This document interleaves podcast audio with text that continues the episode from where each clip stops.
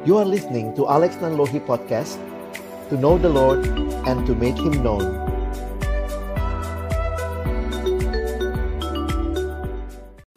Mari kita berdoa sebelum kita membaca merenungkan firman Tuhan.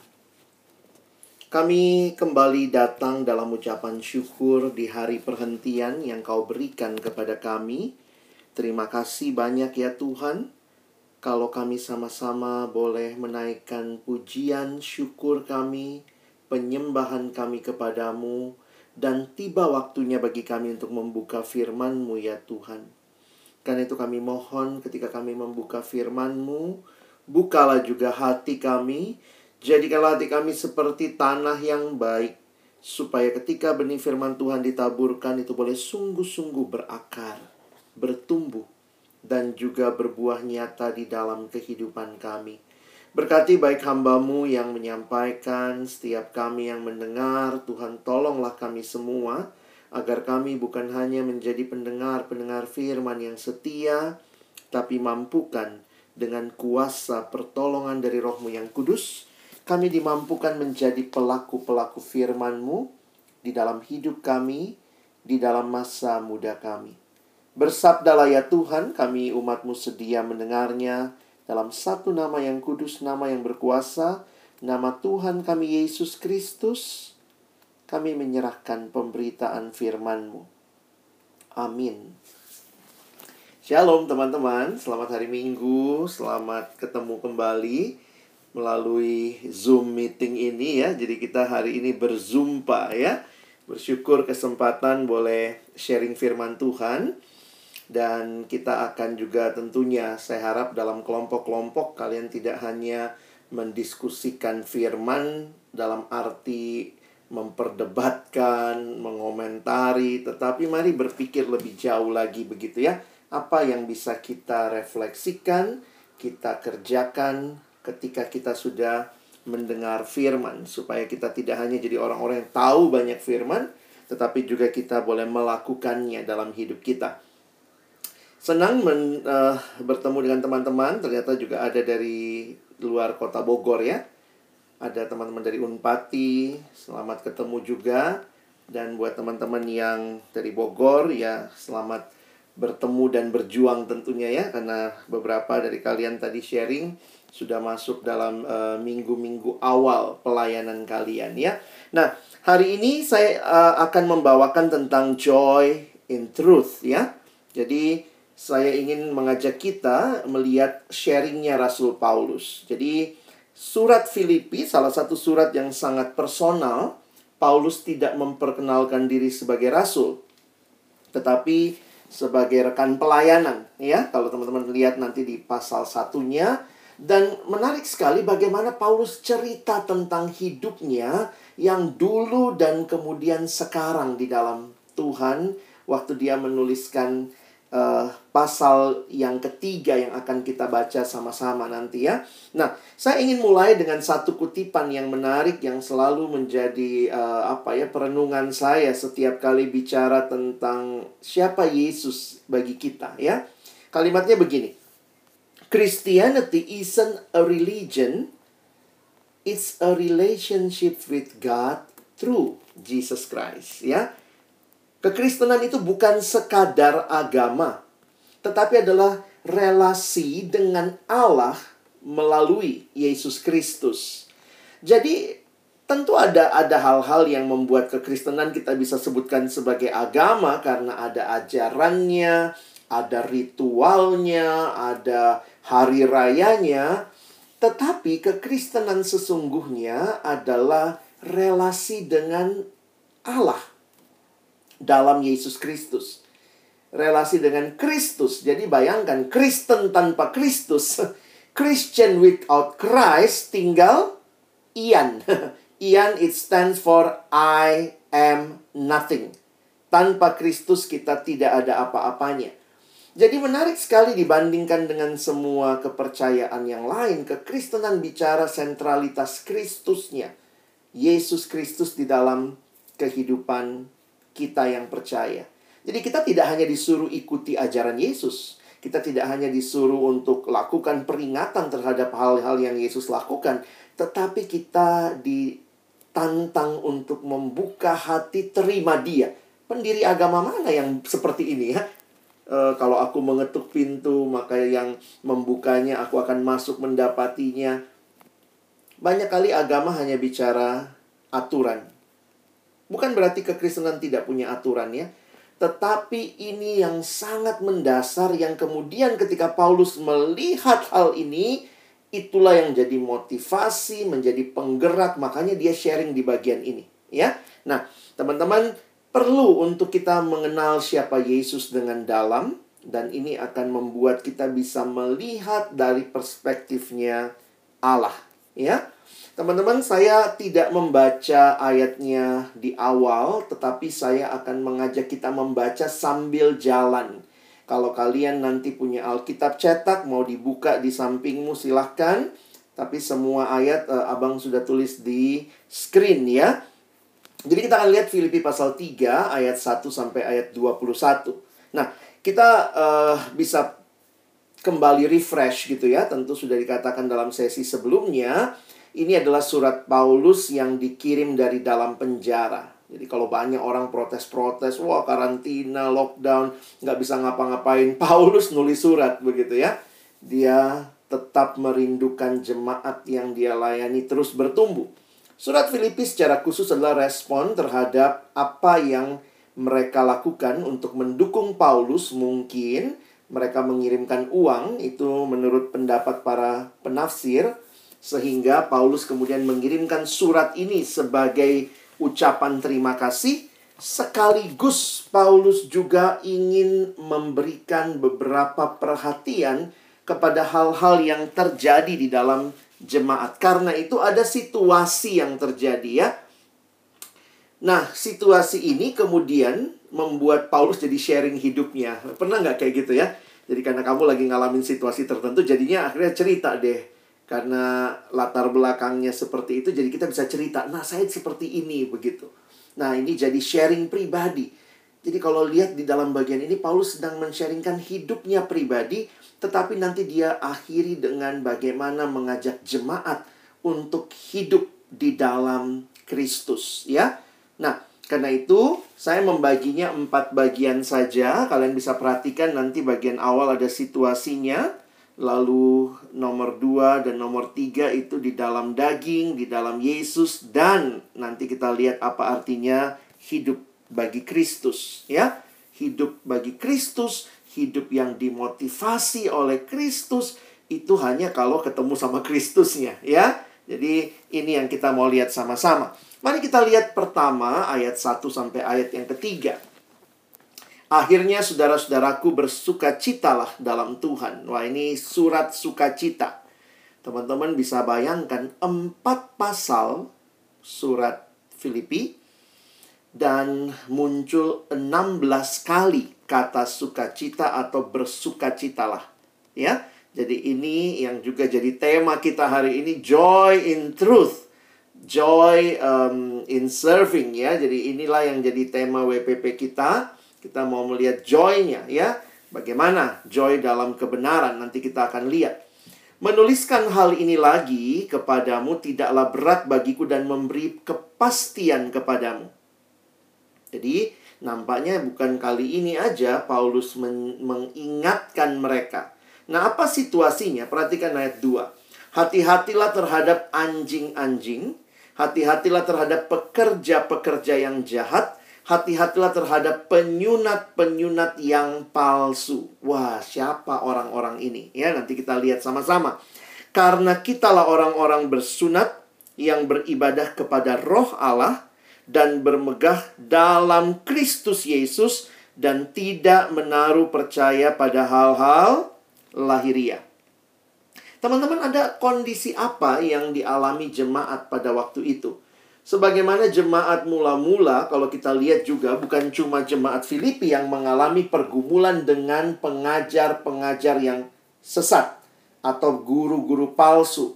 Di dalam kitab Galatia kita juga melihat ada guru-guru palsu di situ. Di dalam beberapa kitab yang lain kita juga lihat ada latar belakang sehingga Paulus merasa penting untuk tulis surat dan mengoreksi apa yang menjadi pengajaran yang tidak tepat. Nah, situasi ini dalam konteks surat Filipi Paulus ingin menyampaikan apa artinya menjadi Kristen dalam konteks menghadapi pengajar palsu kebenaran ya truth penting bagi Paulus. Karena itu dengan tegas Paulus menyampaikannya. Jadi Paulus dengan jelas memberikan statementnya, memberikan pengalamannya dalam rangka menjelaskan situasi ini. Kenapa? Ada masalah apa? Apa sih yang diajarkan guru-guru ini? Dari ayat tadi kita lihat paling tidak ada yang dikatakan penyunat-penyunat palsu. Nah, pada masa itu ada guru-guru palsu yang disebut dengan Judaizer. Ya. Jadi kalau kalian memahami latar belakang ada Judaizer dengan ajaran intinya salvation is a reward for goodness. Kalau kamu melakukan perbuatan baik, nah kamu selamat. Jadi keselamatan itu apa? Percaya Yesus, ada Yesusnya, ada, tetap ada, tapi harus plus perbuatan baik. Jadi kamu percaya pada Yesus terus harus disunat. Jadi sunat itu adalah ritual sesuai dengan kitab Taurat yang mereka pikirkan kalau lakukan itu, nah baru sungguh-sungguh selamat. Kalau cuma percaya Yesus nggak disunat, nggak selamat. Makanya Paulus tuh nampaknya me, apa ya? Dia begitu keras dalam bagian ini. Kalimatnya bahkan luar biasa sarkas gitu ya anjing-anjing.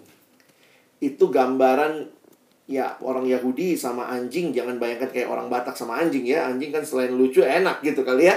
Tetapi kalau orang Yahudi anjing itu hewan yang najis. Jadi bayangkan gambarannya hati-hatilah terhadap anjing-anjing.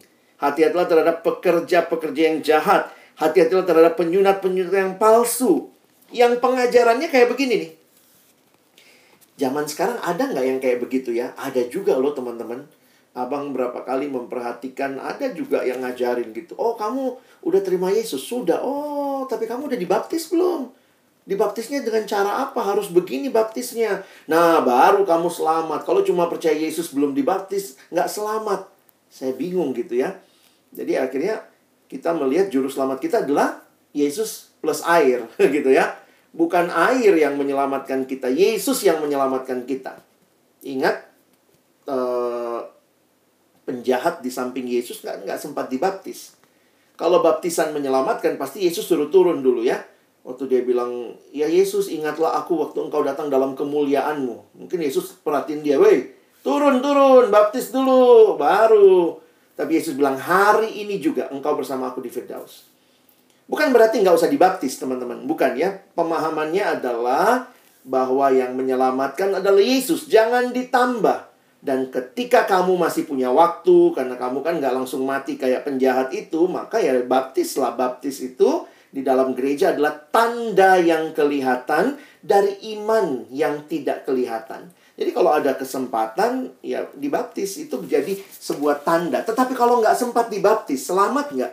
Ya selamat karena keselamatan kalau dia percaya Yesus, dia tetap selamat. Jadi jangan hati-hati ya, banyak kali kebenaran diputar balikan. The truth waktu tidak diajarkan dengan baik, wah itu membelenggu orang. Jadi bayangkan jemaat Filipi ada nih pengajar sesat. Wah kamu udah percaya Yesus kurang plus sunat. Makanya Paulus marah banget. Dan dari kemarahannya ini, dari concern situasi ini, ternyata Paulus coba cerita hidupnya. Paulus bilang begini, oke, okay, mau bicara apa? Mau bicara lahiriah? Ayo, gitu ya. Tapi itu bukan kebenaran. Jadi Paulus mau menunjukkan kalau selamat bisa karena sunat, Paulus yang paling selamat. Ya. Tapi ternyata waktu dia sharing itu, ya, jadi kalau kalian perhatikan dalam sharingnya Paulus, kita lihat sekarang yang kedua ya saya melihat kayak gini loh, Paulus itu dalam hidupnya akhirnya ketemu apa yang selama ini dia cari yang dia tidak pernah tahu, dia sudah lakukan semua hal. Itu mirip kayak gini ya, teman-teman pernah nggak bikin puzzle terus ada satu piece yang hilang gitu ya. Waduh, itu kesel banget ya. Jadi Paulus itu udah ngelakuin semua hal, tetapi bersyukur banget. Karena anugerah Tuhan, dia ketemu the missing piece. Dan itulah kebenaran, jadi Paulus memahaminya dengan tepat.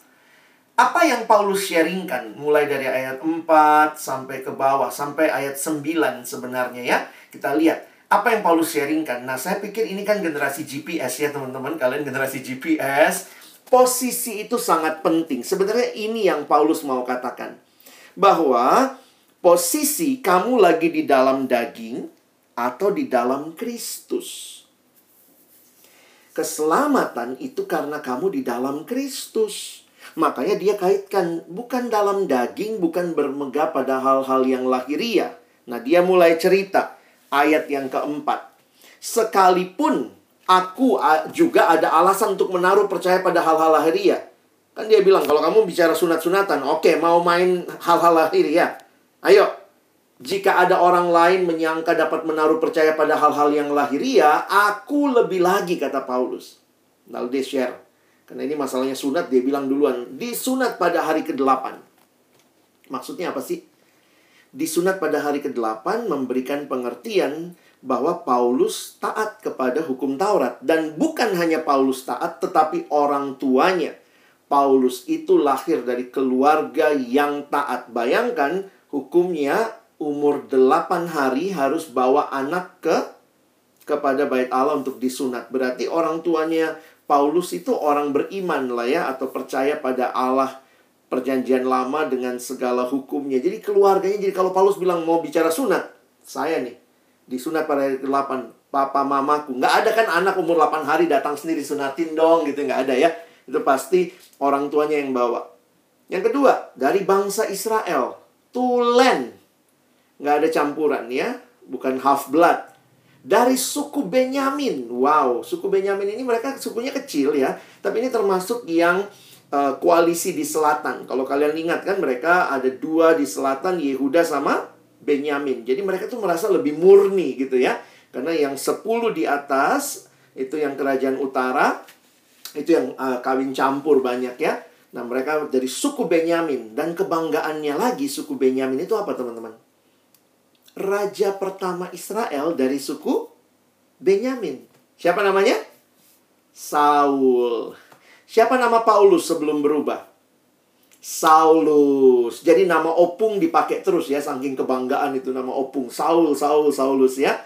Jadi bilang, aku dari suku Benyamin. Aku orang Ibrani asli. Maksudnya apa?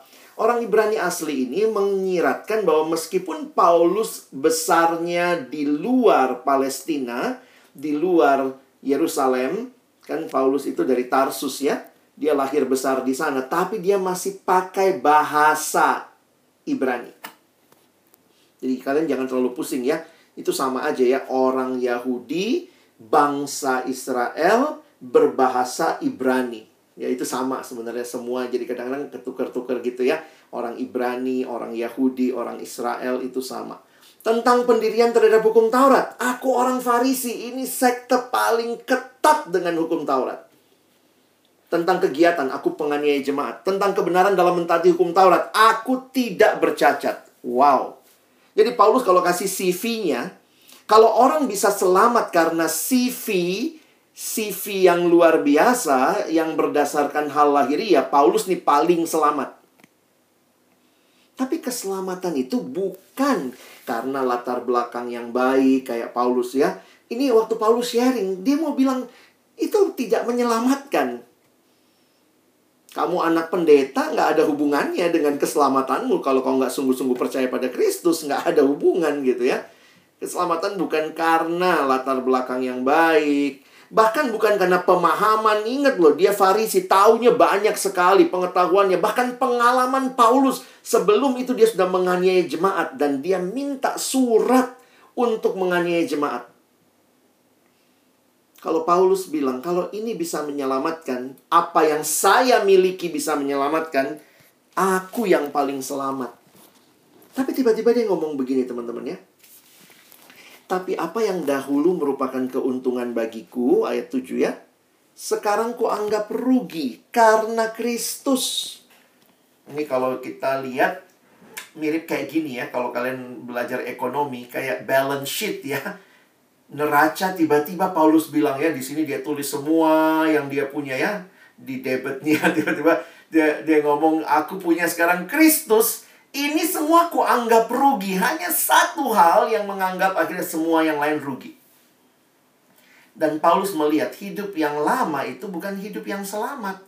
Yang berdasarkan apa yang dia miliki. Jadi Paulus menyadari kegagalan utama Paulus di masa lalu adalah Paulus PD. Nah, saya tulis begini biar gampang ingat ya. Maksudnya apa? Paulus percaya pada dirinya, pada usahanya, pada tindakannya, pada pengalamannya.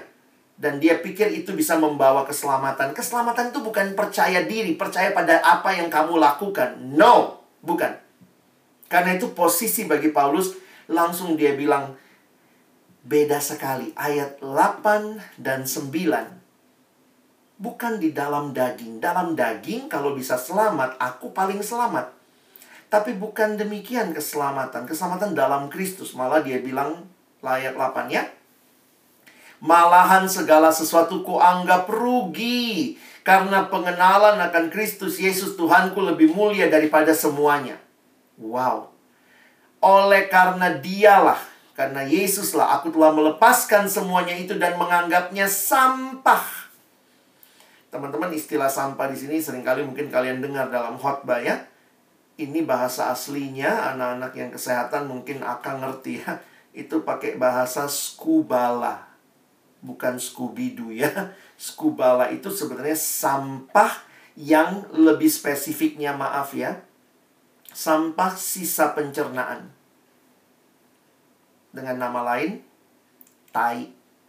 Sorry. Paulus bisa bilang, kalau saya bisa selamat karena semua tadi, sorry, sekarang aku anggap rugi. Itu cuman ku anggap sebagai kotoran. Tai. Supaya aku memperoleh Kristus. Dan nah ini kuncinya di sini. Berada di dalam dia bukan dengan kebenaranku. Not with my truth.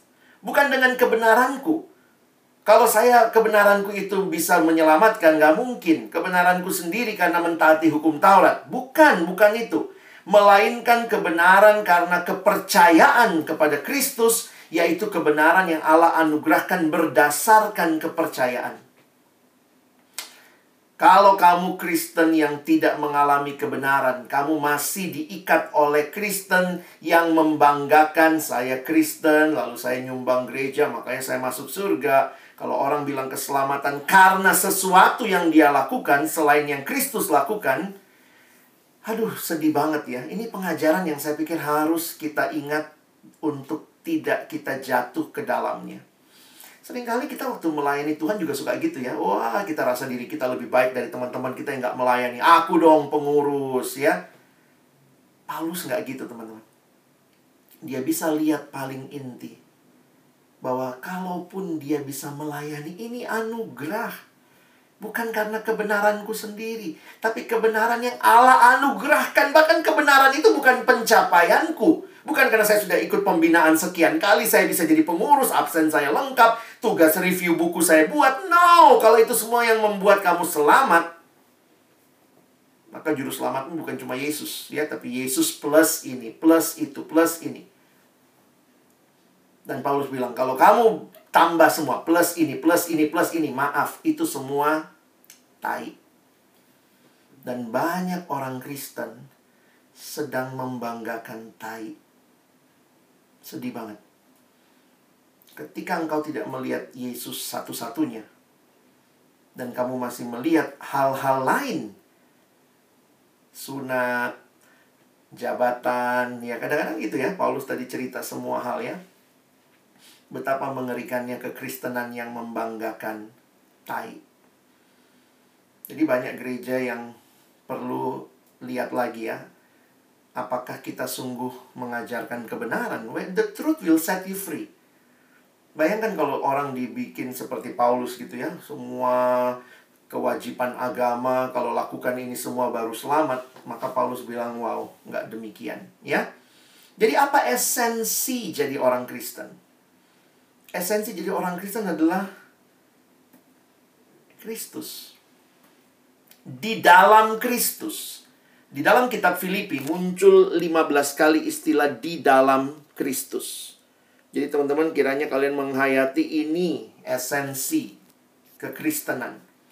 Fokus utamanya adalah kepada Kristus. Itulah yang kita baca di ayat 8 dan 9.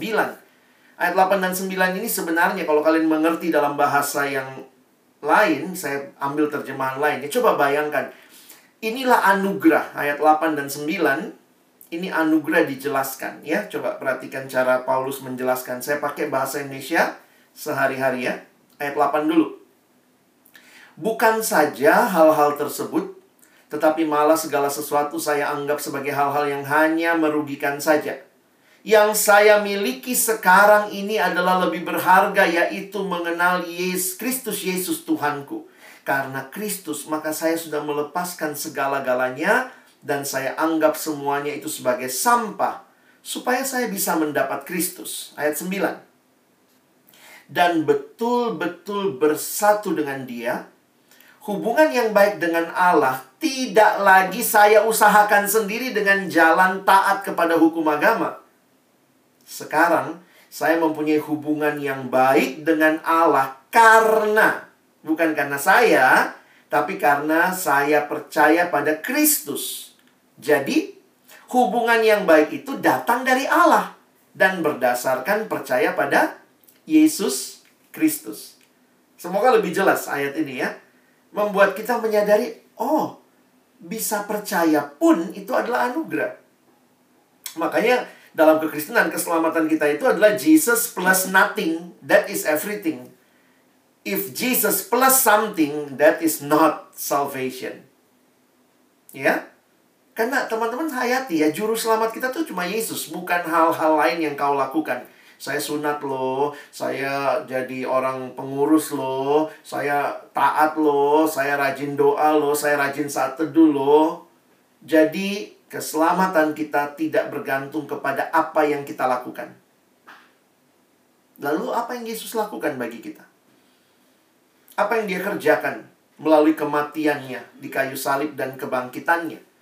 Satu ayat yang saya angkat dari Rasul Petrus mengatakan 1 Petrus 1 18 dan 19. Sebab kamu tahu bahwa kamu telah ditebus dari cara hidupmu yang sia-sia, yang kamu warisi dari nenek moyangmu itu, bukan dengan barang yang fana, bukan pula dengan perak atau emas, melainkan dengan darah yang mahal, yaitu darah Kristus yang sama seperti darah anak domba yang tak bernoda dan tak bercacat. Paulus melihat hidupnya jelas karena anugerah Allah. Petrus melihat hidupnya ditebus dengan darah yang mahal. Dibayar lunas.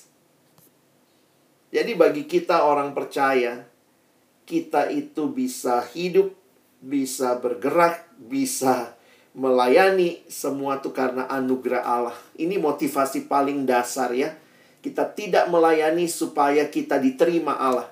Tetapi karena keselamatan diberikan kepada kita, kita sudah diterima Allah. Bahkan harganya telah lunas dibayar kita milik Allah. Karena itulah layani Tuhan. Kita melayani Tuhan sebagai respon keselamatan, bukan supaya selamat. Keselamatan Kristen adalah percaya pada apa yang Yesus sudah lakukan bagi kita. Jelas ya? Jangan dibalik.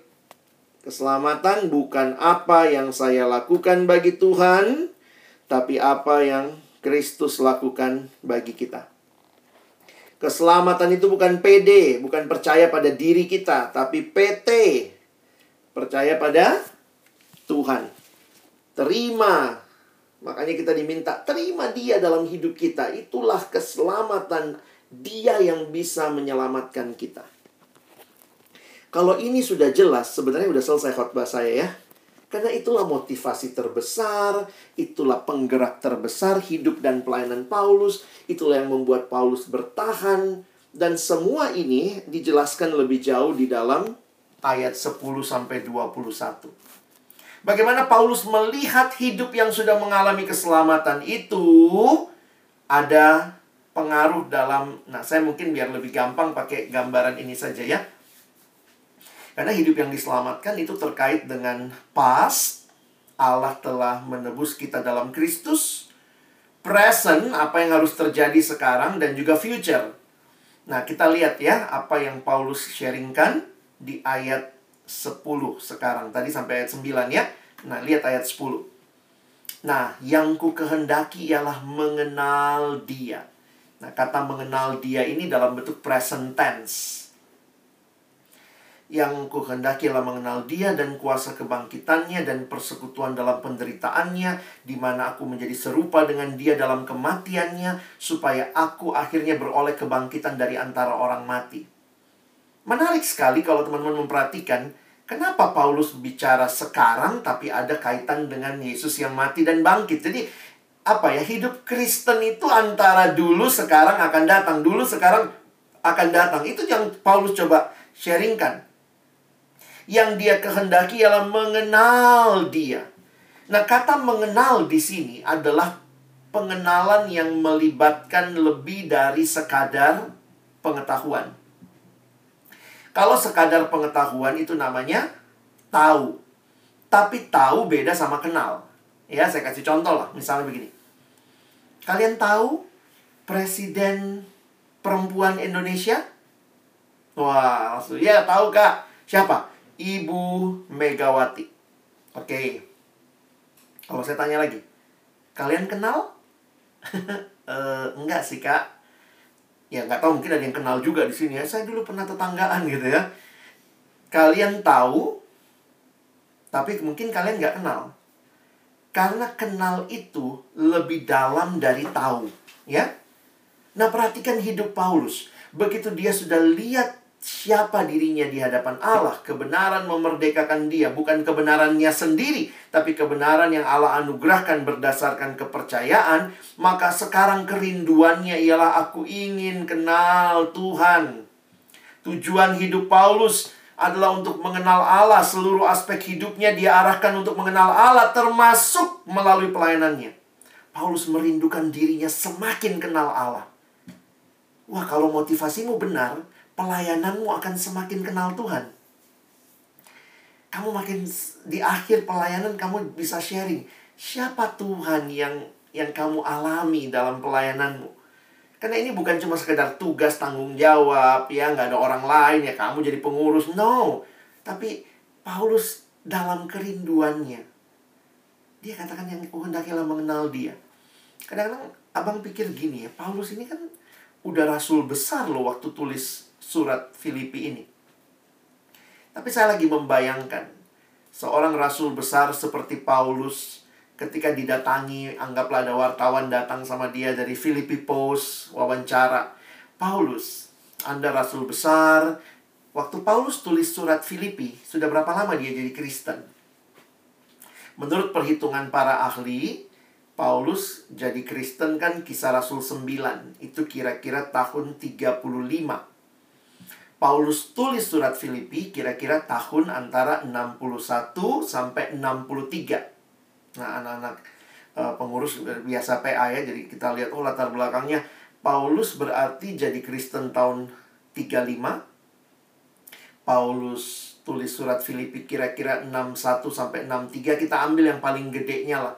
Paulus tulis surat Filipi tahun 63. 63 Berarti pertanyaannya, waktu Paulus tulis surat Filipi, sudah berapa lama dia orang Kristen? Sudah berapa lama dia melayani? 63 kurang 35. Kira-kira 28 tahun. Setelah 28 tahun, apa kerinduannya? Jadi waktu dia tulis surat ini, kayak itu yang abang bayangkan ya Anggaplah ada wartawan datang dari koran Filipi Post lalu wawancara Rasul Paulus. Setelah 28 tahun Anda melayani Tuhan, boleh tahu apa kerinduan terbesarmu? Lalu Paulus jawab, yang ku kehendaki ialah mengenal dia. Wow, teman-teman saya kagum. Ini kayak anak baru ikut retret penginjilan ya, kayak anak-anak yang baru ikut retret mahasiswa baru. E, kamu rindunya apa dek setelah retret ini? Aduh kak, aku pengen banget kenal Tuhan Yesus gitu ya. Aku pengen banget datang ke baktian, pengen ikut kelompok kecil. Mudah-mudahan ada yang seperti itu sekarang ya. Tapi di tahun kedua masih itu nggak kerinduannya ya Kak, aku ingin terus kenal Tuhan. Tahun ketiga, Kak, aku ingin kenal Tuhan. Tahun keempat mau lulus. Kak, aku ingin kenal Tuhan. Sudah lulus jadi alumni. Aku ingin kenal Tuhan. 28 tahun sudah jadi alumni kira-kira. Masih sama nggak kerinduannya?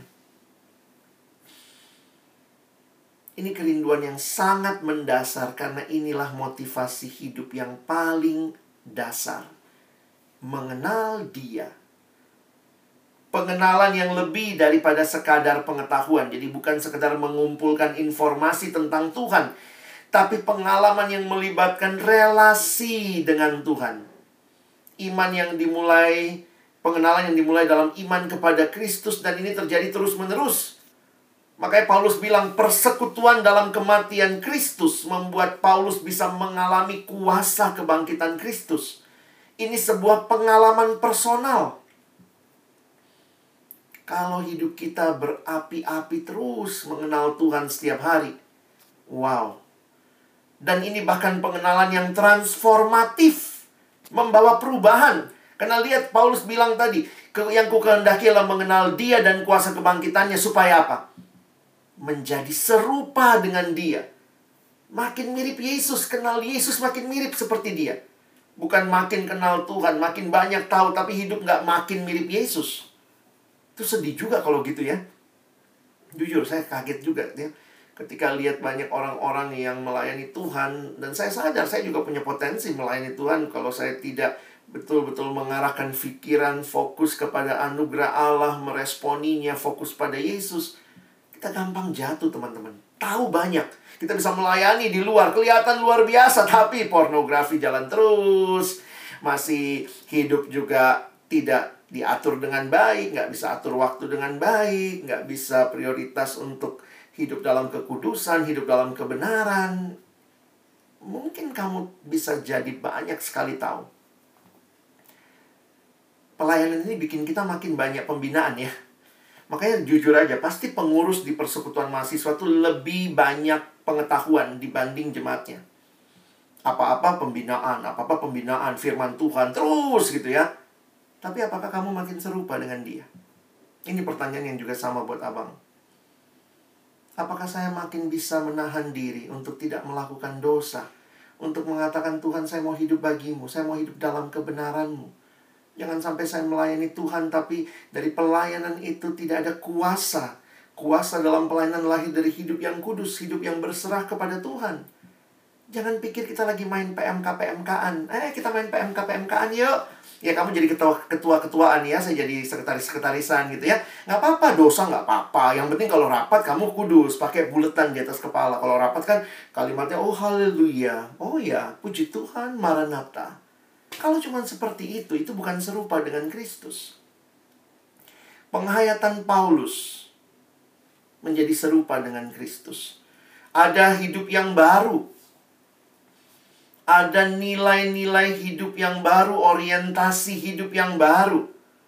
Jadi ini terjadi terus ya, bukan berhenti sudah kenal Tuhan selesai. Satu-satunya mata kuliah yang tidak pernah selesai selama ada di dunia adalah mata kuliah mengenal Dia. Itu wisudanya nanti di sana ya. Ada yang mau wisuda duluan? Titip salam ya. Banyak orang berpikir yang penting saya sudah kenal Tuhan. Bahkan beberapa alumni juga saya ketemu tuh banyak alumni yang nostalgia rohani gitu ya. Kalau ketemu, wah dulu kak, saya rajin banget. Waktu di PMK dulu saya sebelum jemaat datang, saya datang. Jemaat pulang, saya masih atur-atur bangku. Dulu kak, saya rajin banget, saya mimpin tiga kelompok kecil. Dulu kak, saya rajin banget, saya pernah jadi ketua persekutuan. Tapi itu semua, dulu. Kerohanian bukan nostalgia. Jangan pikir kalau di mahasiswa, oh kenal Tuhan, nanti kalau alumni kenal uang. No. Percaya pada Yesus harus diikuti dengan menjadi serupa dengan Kristus. Makin bertumbuh believing in Christ, then you will also growing becoming like Christ. Ini pertumbuhan yang benar. Jangan jadi farisi, tahu banyak ayat, rajin PA, luar biasa, tapi hidup tidak berubah. Saya selalu ingat kalimat yang menggetarkan hati saya tiap kali mesti mimpin KKR. Tapi juga kalau mimpin kelompok pipa gitu ya, kadang-kadang bahas dengan adik-adik tentang dosa. Saya ingat ada kalimat dari uh, kakak rohani saya, dia bilang gini. Jangan mimpi minta dosa keluar dari hidup orang. Kalau engkau sendiri tidak mengeluarkan dosa dari hidupmu. Kadang-kadang kita pemimpin kelompok, gimana dek? Apa dosa-dosa yang mau kau tinggalkan? Kalau adiknya itu boleh nanya, kakak apa? Abang apa yang mau ditinggalkan? Memang belum ada dari kita yang sempurna. Kita pun masih bergumul jatuh bangun dengan dosa kita. Tapi arahnya jelas. Mau nggak makin serupa dengan Kristus? Jangan mempermainkan anugerah Allah. Wah, Paulus sadarnya luar biasa teman-teman ya. Dan dia rendah hati sekali. Lihat ayat 12 ya. Waktu bicara bertumbuh ini, lihat ayat 12. Bukan seolah-olah aku telah memperoleh hal ini atau telah sempurna. Melainkan aku mengejarnya kalau-kalau aku dapat juga menangkapnya. Karena aku pun telah ditangkap oleh Kristus. Saudara-saudara, aku sendiri tidak menganggap bahwa aku telah menangkapnya, tetapi ini yang kulakukan. Aku melupakan apa yang telah di belakangku dan mengarahkan diri kepada apa yang di hadapanku. Dan berlari-lari Lihat cara dia memandang hidup. Hidup rohani itu bukan cuma stay, diam, sudah jadi pengurus, selesai. Tapi terus berlari-lari kepada tujuan untuk memperoleh hadiah yaitu panggilan sorgawi dari Allah dalam Kristus Yesus. Ini gambaran seperti orang lagi lari maraton. Saya kutip satu penjelasan. Bagian ini menjelaskan tentang kedewasaan yang dibutuhkan untuk menghadapi tantangan dalam kehidupan orang Kristen. Rasul Paulus menggunakan istilah-istilah dalam dunia olahraga untuk menggambarkan perjalanan iman kita. Ia mengingatkan agar kita tidak terus menengok ke masa lalu, menyadari bahwa kita tidak sempurna, dan mengingat bahwa yang paling penting itu adalah terus bergerak kepada tujuan. Mungkin kau bilang, wah berat juga ya bang ini baru dua minggu aku mundur lah jadi pengurus ya kayaknya berat banget begitu tapi ingatlah ya saya tetap meyakini hal ini hanya anugerah Allah yang dapat menolong kita berhasil mencapai garis akhir kehidupan sebagai para pengikut Kristus. Nah, karena itu kalau kalian perhatikan Paulus di dalam bagian ini dengan kerendahan hati yang begitu rupa, tetapi juga jadi teladan ya. Kalau kalian perhatikan istilah ini, follow me as I follow Christ, banyak orang pikir ini hanya muncul di kitab 1 Korintus. 1 Korintus 11 ayat pertama, ikutlah aku sebagaimana aku mengikut Kristus. Jadilah pengikutku seperti aku mengikut Kristus. Follow me as I follow Christ. Tetapi yang menarik, saya membaca satu tafsiran mengatakan kepada jemaat yang Paulus pernah tinggal di situ. Jadi kalau kalian perhatikan, hanya kepada jemaat-jemaat yang Paulus pernah tinggal, dia mengatakan ikutlah aku seperti aku ikut Yesus. Maksudnya begini, Paulus pernah tinggal di Filipi. Jadi waktu dia bilang ikut aku, jemaat pernah lihat dia hidupnya kayak apa. Tapi itu nggak muncul kalau kalian lihat misalnya di kitab Roma, Paulus nggak pernah bilang ikut aku karena dia belum pernah ke Roma nggak muncul di kitab Kolose. Ikut aku, karena dia belum pernah ke Kolose. Jadi, muncul di satu Korintus, Paulus pernah tinggal satu setengah tahun di Korintus, dan muncul di Filipi, karena Paulus nampaknya pernah tinggal juga melayani di Filipi, waktu kalian lihat kisah Rasul 16 misalnya, dan ini muncul ya ayatnya. Saudara-saudaraku, ikutilah teladanku. Karena mereka pernah lihat Paulus. Dan perhatikanlah mereka yang hidup sama seperti kami yang menjadi teladanmu. Teman-teman, mesti kita lihat juga hidup dalam Kristus. Kita nggak bisa sendiri. Nanti kita bahas berikutnya ya. Tapi kita nggak bisa sendiri. Kita butuh saudara seiman. Kita butuh teladan-teladan. Kenapa Paulus bilang begini? Karena ada teladan buruk. Lihat ayat 18 ya. Karena seperti yang telah kerap kali kukatakan kepadamu dan yang kunyatakan pula sekarang sambil menangis. Banyak orang hidup sebagai seteru salib Kristus. Ini kesedihan Paulus. Banyak orang yang tidak hidup jadi teladan. Bahkan seteru salib Kristus. Perhatikan kalimatnya ayat 19. Kesudahan mereka ialah kebinasaan. Tuhan mereka ialah perut mereka. Gambaran perut ini menggambarkan keinginan diri sendiri. Kemuliaan mereka ialah aib mereka. Pikiran mereka semata-mata tertuju pada perkara duniawi. Teman-teman, untuk bisa hidup benar di tengah dunia hidup dalam Kristus, dekatkan dirimu kepada teladan-teladan yang baik. Teladan-teladan yang positif.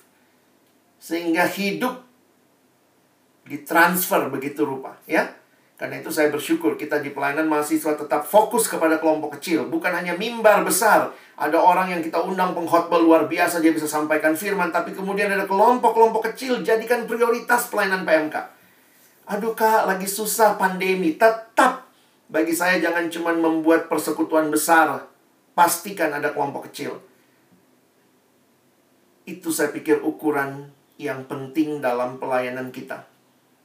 Tadi dengar dari IPB bilang lagi memperjuangkan tolong doakan kelompok kecil. Yes.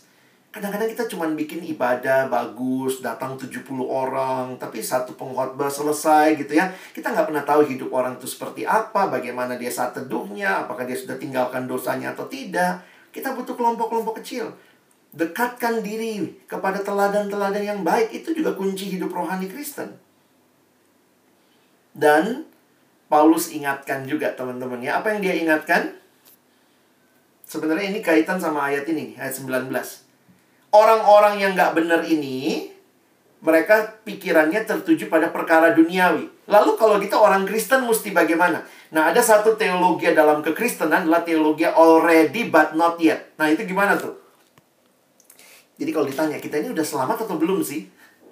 Kalau keselamatan itu percaya pada Yesus, sesuai dengan kisah uh, Yohanes 17 ayat 3, kita percaya pada Yesus, berarti kita udah selamat. Tapi, udah selamat atau belum? Ya, nanti waktu Yesus datang kedua kali, nah keselamatan akan digenapkan. Nah, ini teologianya already, but not yet. Nah, Paulus menggunakan pemahaman ini ketika dia bicara, jangan hidup seperti orang-orang yang sibuk sama perkara duniawi. Terus, mesti gimana dong? Nah, ini dia bilang di ayat 20. Tapi menarik, Paulus nggak bilang gini. Coba pikirkan kamu adalah warga surgawi saja. Enggak ya. Dia bilang kewarganegaraan kewargaan kita ada di dalam sorga. Dan dari situ juga kita menantikan Tuhan Yesus Kristus sebagai juru selamat. Yang akan mengubah tubuh kita yang hina sehingga serupa dengan tubuhnya yang mulia menurut kuasanya yang dapat menaklukkan segala sesuatu kepada dirinya. Apa yang menjadi menarik dalam ayat ini? Kita sedang hidup saat ini, tapi di dalam terang hari itu. Makanya saya bilang tadi ya, di sini ada past, present, future. Kita sedang hidup sekarang, tetapi dalam kesadaran akan terang hari itu bahwa kita ini bukan warga negara Indonesia saja, kita warga negara sorga. Jadi kita mesti hidup juga mencerminkan nilai-nilai kerajaan sorga. Taat hukum-hukum kerajaan sorga. Kepala kita yang sesungguhnya bukan hanya Pak Jokowi, tapi Kristus. ya. Jadi punya kehidupan yang balance antara sekarang tapi dalam terang hari itu. Guru-guru palsu itu hanya hidup dalam sekarang. Tuhan mereka, perut mereka. Seolah-olah hidup itu berakhir di sini. Nikmatilah. Tapi tidak. Bagi Paulus, hidup ini bukan masalah sekarang. Nah, kalau kita teliti ayat ini ya, ini kalau dihotbahkan panjang sih teman-teman ya. Hanya ayat ini aja bisa indah sekali ya. Perhatikan ada tiga hal di sini. Kewargaan kita dalam sorga. Lalu, yang kedua, kita lagi menantikan Yesus. Lalu yang ketiga, Yesus akan mengubah tubuh kita yang hina ini. Wow. Ini tiga hal tadi ya. We are citizens of heavens. We are waiting for Jesus. And we are waiting for Jesus to change us. Teman-teman, kadang-kadang kita ikut Yesus seperti yang Paulus alami ya. Masuk penjara, nggak ada joy. Tetapi Paulus bilang di dalam bagian ini ya. Dan saya lihat ini kunci hidup rohani yang Paulus lihat. Dia hidup hari ini dalam terang hari itu. Dalam terang kedatangan Kristus yang kedua kali. Sehingga ketika harus menanggung sengsara di penjara zaman itu jangan bayangkan seperti penjara kita sekarang ya.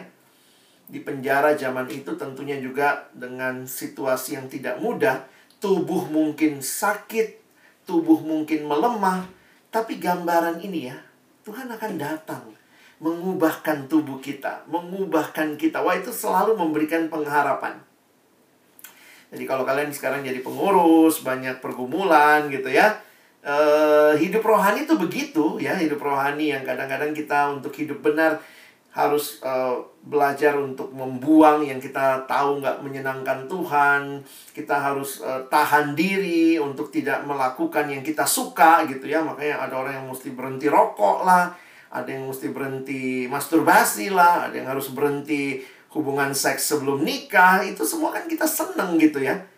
Tapi kalau kita tahu itu tidak menyenangkan Tuhan, kita bilang Tuhan tolong saya dan akhirnya saya hidup dalam terang hari itu bahwa Tuhan akan mengubahkan dan memberikan semuanya indah. Ini hidup rohani yang Paulus sharingkan. Hidup yang didasarkan kepada anugerah Allah. Oke, sebagai respon kita, nah saya nggak tahu ya Tuhan bisa bicara apa saja kepada teman-teman dalam berbagai situasi, tapi saya ingin ajak kita meresponi dengan beberapa hal yang saya coba pikirkan juga hidup dalam dunia, termasuk dunia yang lagi menghadapi pandemi COVID seperti ini ya, teman-teman dan saya sudah lihat lah ya bagaimana Paulus menyaksikan pertegas keselamatanmu hanya dalam Kristus. Pegang itu. Dan waktu kamu pegang itu terus bertumbuh. Terus hidup saat ini. Di dalam keyakinan masa lalu Tuhan sudah ampuni saya, Tuhan sudah selamatkan saya, masa kini saya mau hidup kenal dia dan masa depan saya menantikan Dia. Bangun hidup yang terus berakar dalam firman Tuhan. Miliki komitmen untuk bertumbuh dan jadikan firman Tuhan Firman Tuhan yang mengajar, menyatakan kesalahan, memperbaiki kelakuan, mendidik orang dalam kebenaran. Jadikan itu peganganmu, hai para pengurus, penilik. Teman-teman tidak hanya melayani, tapi kiranya firman Tuhan juga menguasai hidupmu tinggalkan dosa. Kalau masih ada hal-hal yang kamu nikmati, kamu tahu bukan itu yang Tuhan mau. Pengenalan akan Kristus membawa transformasi. Dan biarlah firman Tuhan bersihkan hidupmu hari demi hari. Memangkas hal-hal yang buruk dan ingatkan kamu milik Tuhan. Tubuhmu milik Allah. Kalimat dari D.L. Moody. The Bible will keep you from sin. Or sin will keep you from the Bible. Komunitas juga penting. Nanti saya bahas selanjutnya dalam sesi terakhir sedikit lebih banyak di situ. Dan kita juga rindu ya ketika kita dalam komunitas bersaksi bersama ya kita hidup berbeda dengan dunia. Saya harap semua kita yang mengerti siapa Yesus mendapatkan motivasi terbesar dari pengenalan kita akan Kristus itu berbuah dalam hidup yang terjadi transformasi ya dalam belajarmu kelihatan juga berbeda. Jangan jadi pengurus tapi pelajarannya juga jadi nggak tanggung jawab. Alasannya pelayanan, alasannya rapat ya itu paling gampang bikin alasan. Tapi harusnya juga kamu fokus dengan apa yang jadi bagianmu. Kalau teman-teman ada yang sudah bekerja, abang kakak alumni, dalam pekerjaanmu nyata betul kamu milik Kristus, kamu anak yang menyenangkan Tuhan dengan memberikan yang terbaik dalam pergaulanmu, kamu bukan mempermalukan Tuhan, tapi pergaulanmu mempermuliakan Tuhan. Kalau kamu punya relasi berpacaran misalnya, maka ingat juga ya, pelihara pacaranmu dalam kekudusan. Saya juga menemukan sih banyak pengurus yang jatuh dalam dosa ya. Jadi pengurus ternyata ya kita nggak bisa tutup mata. Pengurus juga manusia berdosa kalau tidak dijaga, tidak benar-benar berserah kepada Tuhan. Ini jadi pergumulan banyak yang terjadi juga.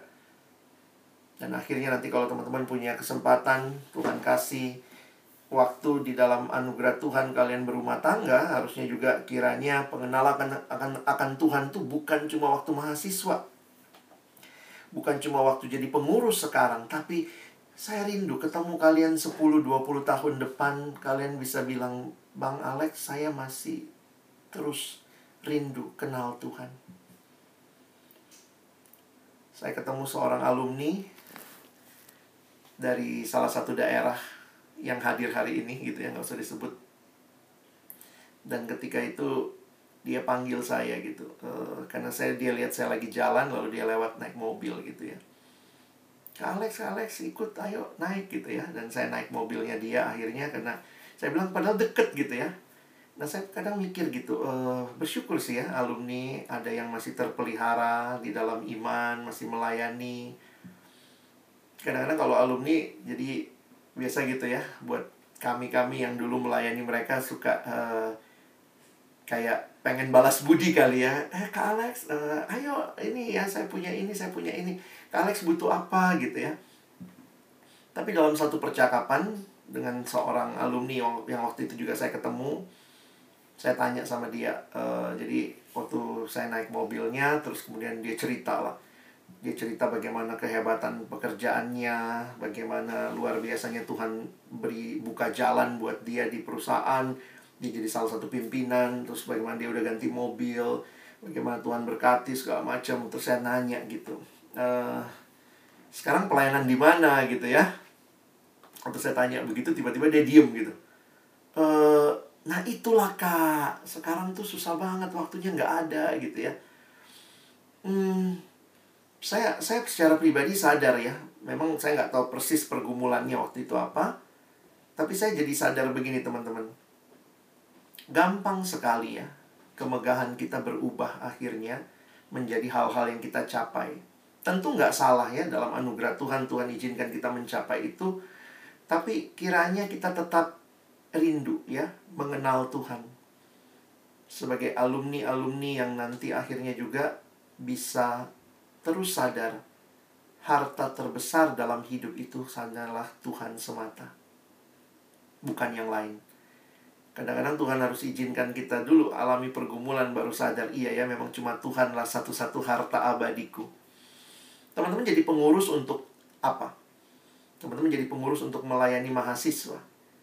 Untuk apa tujuannya? Saya pikir supaya para mahasiswa kenal siapa Yesus, berubah serupa dengan Kristus dan sadar sampai akhir hayatnya harta terbesar mereka cuma Yesus. Kalau kamu sebagai pengurus mengalami perubahan ini, biarlah melalui pelayananmu dihasilkan generasi juga yang cinta Tuhan lebih dari segalanya. Dan benci dosa lebih dari segalanya. Karena kamu telah berjumpa dengan Tuhan, kamu bisa memakai pelayananmu, membawa orang juga berjumpa dengan Tuhan. Kiranya Tuhan menolong kita. Boleh jadi pelaku-pelaku firman. Mari kita berdoa.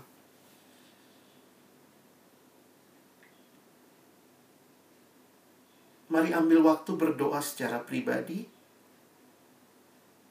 Kalau ada hal-hal yang Tuhan ingatkan hari ini, dari kesaksian hidup Rasul Paulus, dari firman Tuhan, mari responi dalam doa secara pribadi.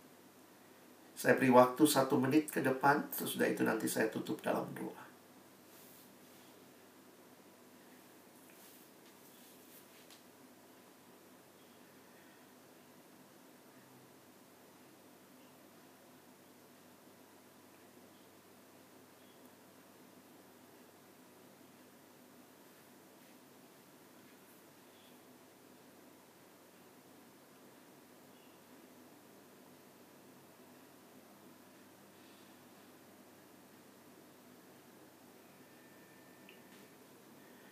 Tuhan terima kasih buat firman-Mu, kebenaran-Mu yang membawa sukacita. Karena tidak ada sukacita lain yang bisa kami alami dan nikmati di luar dari sukacita yang kau berikan di dalam Yesus Kristus Tuhan dan Juru Selamat kami satu-satunya. Perbaharui kami semua agar kiranya melalui hidup yang dibaharui oleh Tuhan, menjadi hidup yang terus mengenal Engkau, dan bahkan hidup yang memperkenalkan Engkau. Berkati adik-adikku, rekan-rekanku pengurus, pemimpin kelompok kecil, para penilik, kami semua, para staf, agar hidup kami benar-benar hidup yang mengenal Tuhan, berjuang hidup serupa dengan Tuhan, bertumbuh di dalam Tuhan, sehingga kami pun Tuhan pakai dengan maksimal untuk membawa generasi ini mengenal Tuhan. Terima kasih, tolong kami bukan cuma jadi pendengar firman, mampukan kami jadi pelaku-pelaku firman dalam nama Yesus kami berdoa. Amin.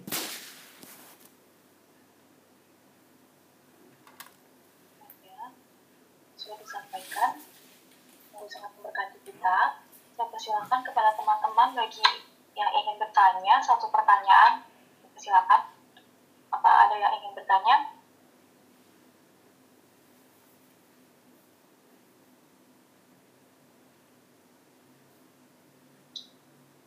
Oke, sepertinya belum ada ya. Nanti sesi sharing aja kita.